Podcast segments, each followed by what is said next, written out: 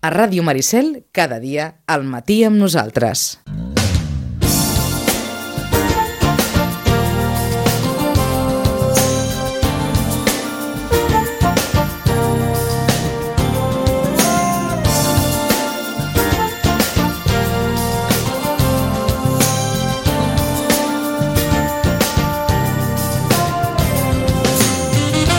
En el nostre espai quinzenal, al voltant de les eh, biblioteques, en aquest cas de la biblioteca Josep Roig i Reventós. Eh, esperem que durant aquest any, això és fusta, obri també la Santiago Rossinyol i en tinguem dues, però de moment eh, amb la que tenim anem tirant. I repassar, com sempre, eh, les activitats amb la Marta Sánchez. Marta, bon dia. Hola, bon dia. Benvinguda. Gràcies. Uh, activitats que uh, ens, uh, ens porten doncs, a, a les, al que és habitual, no? a les presentacions, a les hores del compte... Exacte. A veure. Doncs vinga, comencem amb una hora del conte aquest divendres. Uh -huh. Tindrem la Sara Ganobart, ja ha vingut altres vegades a la biblioteca, i el seu títol és molt clar i molt en concordància amb el temps que estem vivint. Carnestoltes. Hombre. Així de clar. La Costa Carnaval. Exacte. Uh, la Sara ens explica això, que arriba Carnaval, i diversos personatges de diferents indrets es reuneixen per celebrar aquesta festa de les disfresses.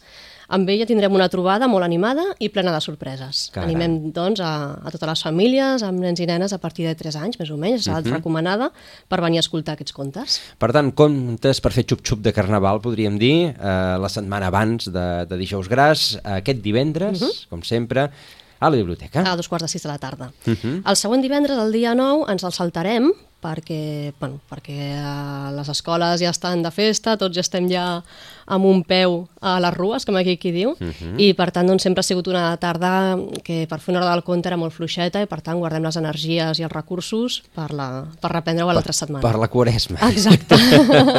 I aquest, aquell divendres dia 9, Això doncs, tothom al, al carrer a Gaudí. Què més tenim? Tenim conferències i xerrades, també. veure.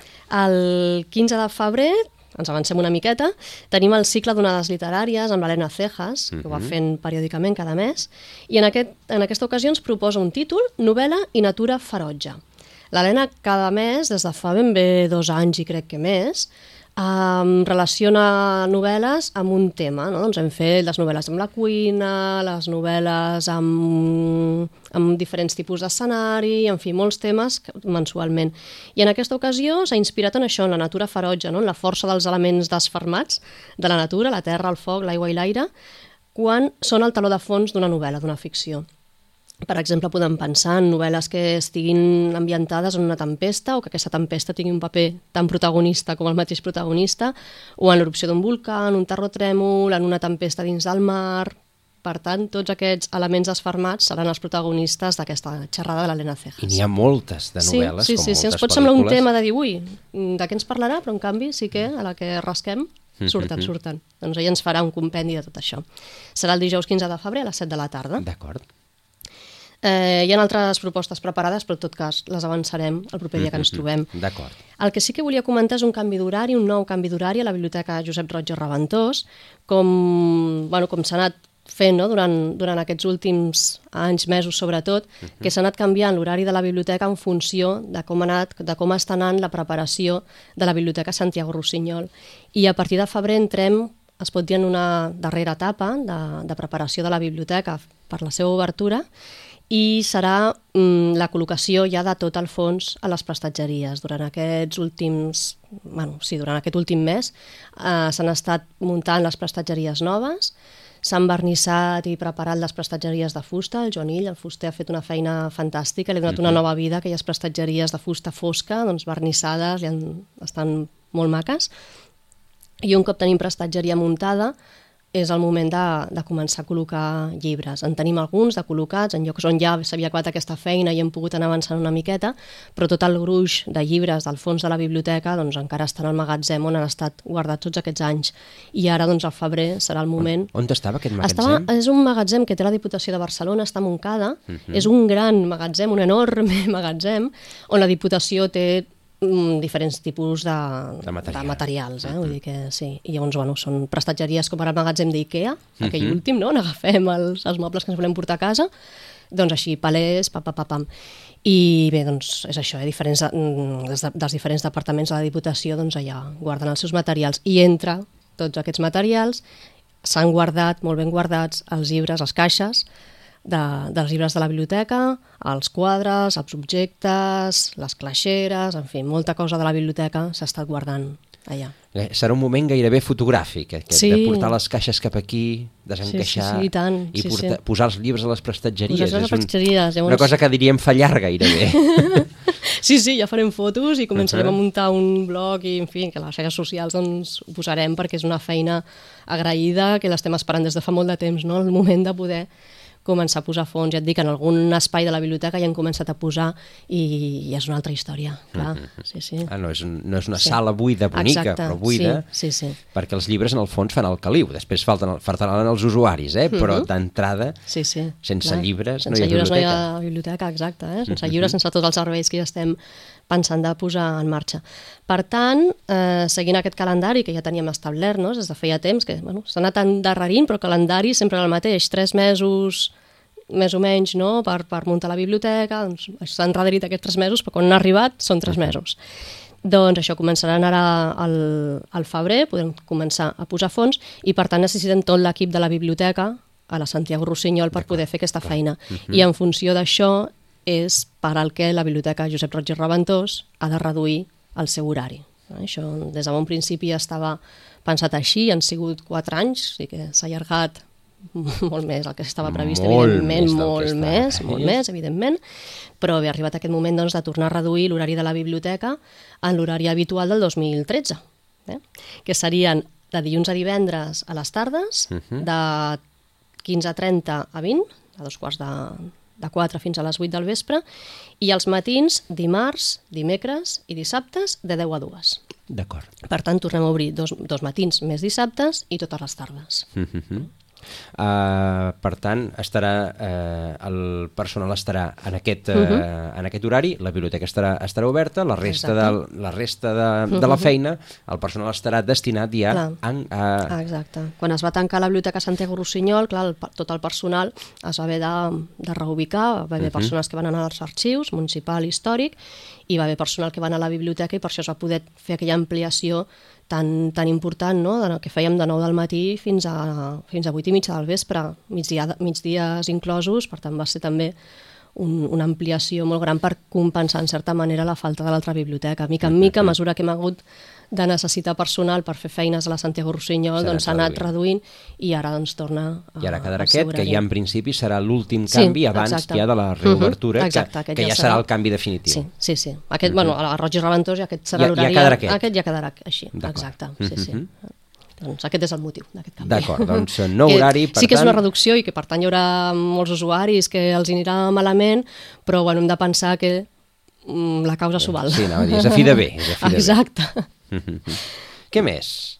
Què més? I també volíem recordar un canvi d'horari per Carnaval, ho recordarem també Aquest és el, el proper dia, però en tot cas ja l'avancem. El dimarts dia 13, a la tarda, la biblioteca estarà tancada i s'obrirà de 10 a 2, i el dimecres 14 estarà tancat tot el dia. la De festa fet, és el local. típic festiu de dimecres de Exacte, cendre. Exacte. Mhm. Doncs això pel que fa a les activitats. Molt bé. I ara passaríem a unes recomanacions. Per una banda, tenim el Martí Gironell, periodista i escriptor, que ha guanyat el Premi Ramon Llull Sí. amb una novel·la, La força d'un destí, la tindrem aviat a la biblioteca. És una novel·la dedicada a un emprenedor i llavors ens explica doncs, la seva història des de que va marxar als Estats Units fins que després retorna a Catalunya. Però a la biblioteca Josep Roig i Reventós hi ha altres novel·les d'ell, perquè va començar a escriure no fa pas massa novel·la, però en canvi la seva producció ja és important i realment té molt d'èxit, té molta sortida tant a la biblioteca com en, en llibreries o pel Sant Jordi. Normalment sempre és un dels escriptors que més venen les seves novel·les. Si Són de feia tipus obres de, de, de, de, exacte, de temàtica medieval, recordem, Exacte, oi? sí, sí. Uh, una de les, bueno, la, la, la primera que va ser un fenomen de lectors, El pont dels jueus, Exacte, ell és de Besalú, Clar, el és de- Martí Gironell, i en aquesta novel·la ens explica la construcció del pont fortificat de Besalú. A partir d'aquest èxit uh, s'han fet rutes literàries per Besalú, no? a partir d'aquesta novel·la doncs, per conèixer també la història d'aquest poble tan bonic, de, de la Garrotxa. El 2008 va escriure La venjança del bandoler i aquesta va guanyar el Premi Néstor Luján de novel·la històrica, que és un premi molt important i amb molt de prestigi. Aquí el protagonista és un jove traginer, de Besalú també, que es posa al capdavant d'una guerrilla contra, contra la invasió napoleònica. Eh? Sempre ell doncs, va començar a escriure novel·les això sobre la història del que li era més proper, no? que El seu el seu poble. poble. Mhm. El 2010 va escriure l'arqueòleg. Aquí ens planteja la història de dos viatges d'un personatge real, però en clau de ficció. I aquest personatge real és un monjo de Montserrat, que, és, eh, doncs que va de, de Montserrat fins a Terra Santa en aquests dos viatges perseguint un somni. Després ens anem una miqueta més enrere, ens n'anem fins a la prehistòria, amb el primer heroi del 2014. I aquest heroi és un heroi escollit pels déus per protegir el seu poblat i també ha de recórrer tot un viatge i per tant ens trasllada no, a un món que fins i tot de tan prehistòric que és, hasta podia ser com fantàstic, no? Perquè, clar, és tot, tot, tot un canvi de paisatges, de personatges i de maneres de fer. I l última que tenim a la biblioteca és l'última la, la última que havia escrit, el 2015, que es titula Estrapo. Estrapo és una tècnica per arrencar murals de, de les esglésies o... i tracta sobre l'espoli del romànic ja l'any 1919. Per tant, són novel·les que, que recomanem a l'espera que ens arribi La força d'un destí, que ha sigut aquesta guanyadora del Premi Ramon Llull d'aquest any. D'acord. Doncs eh, tot, eh, tota la producció curta però, però intensa i, i força reixida de Martiri Gironell, que comença en el seu poble, comença a Besalú, però eh, gira sempre al voltant de la, de la novel·la històrica, que implica, òbviament, una, una important recerca també sobre els moments històrics als quals eh, es fa referència. Mm -hmm, exacte.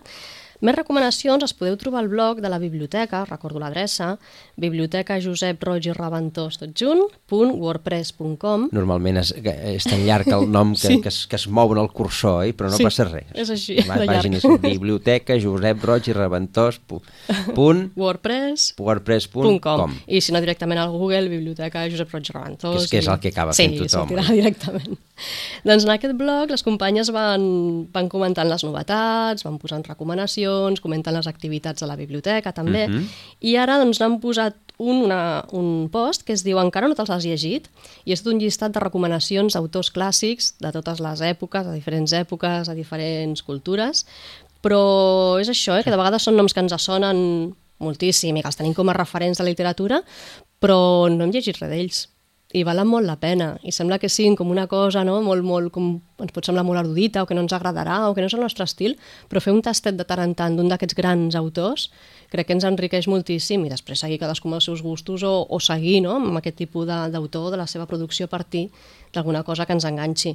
En aquestes propostes tenim a Mario Benedetti, per exemple, Prudenci Bertrana, Truman Capote, Dostoyevsky, Victor Hugo, Anais Nin... Bé, doncs les companyes han fet una selecció molt àmplia molt i heterogènia. Àmplia, exacte, eh? però per tenir aquell, aquell am de dir, doncs vaig a llegir un llibre d'algú que és reconegut no? al llarg de la història de la, de la literatura i en canvi no l'he tastat mai. Doncs Mhm. uh -huh. anem atrevint-nos també amb aquests grans clàssics i hem fet això, aquesta selecció. D'acord. Al blog doncs, trobem diferents propostes i també animo a entrar-hi, a, fins i tot doncs, a subscriure's per anar rebent a casa a través del correu electrònic les novetats que van introduint en aquest blog. D'acord. I per acabar porto una, una altra recomanació pels més petits, uh Mhm. -huh. pels més petits que poden llegir, mirar i gaudir acompanyats dels seus pares, per tant són recomanacions també per tothom. El títol és Com encendre un drac apagat. Vaja. Sí, i els autors Didier Levy i Fred Benaglia. Eh, està escrit originalment en, en francès, no? Tots francesos. Està publicat per Libros del Zorro Rojo, que aquesta editorial ja és garantia de que alguna cosa maca veurem entre les pàgines dels llibres que publiquen. Estan molt, molt ben triats, fan, tenen un, un catàleg molt maco, molt recomanable tot ell, i per tant quan fem la tria de, en slots, no? quan fem la tria, quan veiem certes editorials com Calatrac, aquesta o, o d'altres ja, ja ens hi fan fixar, perquè sabem que és garantia. D'aquest llibre jo destaco ja només abans de, de començar-lo una cosa que a mi m'agrada molt en els àlbums il·lustrats, que és quan obrim les dues cobertes, que el dibuix tingui continuïtat entre la de davant i, del, i la del darrere. És una mica complicat d'explicar, però sí, obrim el llibre, si el deixem ben pla, doncs trobem que les cobertes segueix el dibuix. I aquest dibuix és el d'un drac, amb el cos verd, el cap vermell, i realment fa cara d'estar apagat, d'estar tristot, Sí. d'estar apàtic. doncs el protagonista, Té, n'hi ha molt, dos, té molta gràcia el dibuix, eh? Sí, són molt macos. Aquests dos protagonistes són aquest drac apagat i el nen, aquest petit heroi, que intentarà per tots els mitjans encendre el drac, és a dir, que torni a tirar foc. Aquest llibre conjuga, a més a més, no, com un àlbum il·lustrat ideal, els dibuixos amb la història, però a més a més també entra en joc un altre tercer element, que és la tipografia el tipus de lletra, no? Hi ha diferents tipus de lletra de diferents mides, tant lletra ja de pal com lletra lligada, i això li dona tot plegat un dinamisme, no? uns colors també molt entre vius i també color pastel, és molt, molt visual i això, no? que li dona, li dona molt, molt de dinamisme. Eh, en aquest petit heroi idees no li falten per encendre el gat, el, gat, el, el drac. El drac. Des d'estirar-li la cua i per tant fer-lo enfadar, saltar-li damunt de la panxa perquè el foc li surti, provocar-li gelos, perquè també doncs, d'aquella manera fuà, sortir el foc, eh, donar-li un pastís perquè el seu instint sigui el d'encendre les espelmes, en fi, tot d'idees. No? I aquí els nens amb els pares poden jugar també a, a veure els avantatges i els inconvenients d'aquestes solucions possibles, a veure què farien ells no? per, per encendre aquest drac. Eh, en el rerefons tenim aquest tema no? de com superar un mal dia, un estat d'ànim apagat, què podem fer als amics, pels nostres amics, no? o per la nostra mascota, perquè siguin més feliços. I al final la solució realment és la més senzilla que ens podem imaginar després de totes aquestes grans idees que té aquest protagonista. Al final, la solució està en la cosa més senzilla. D'acord, doncs no farem spoiler i per tant no, no, no la direm.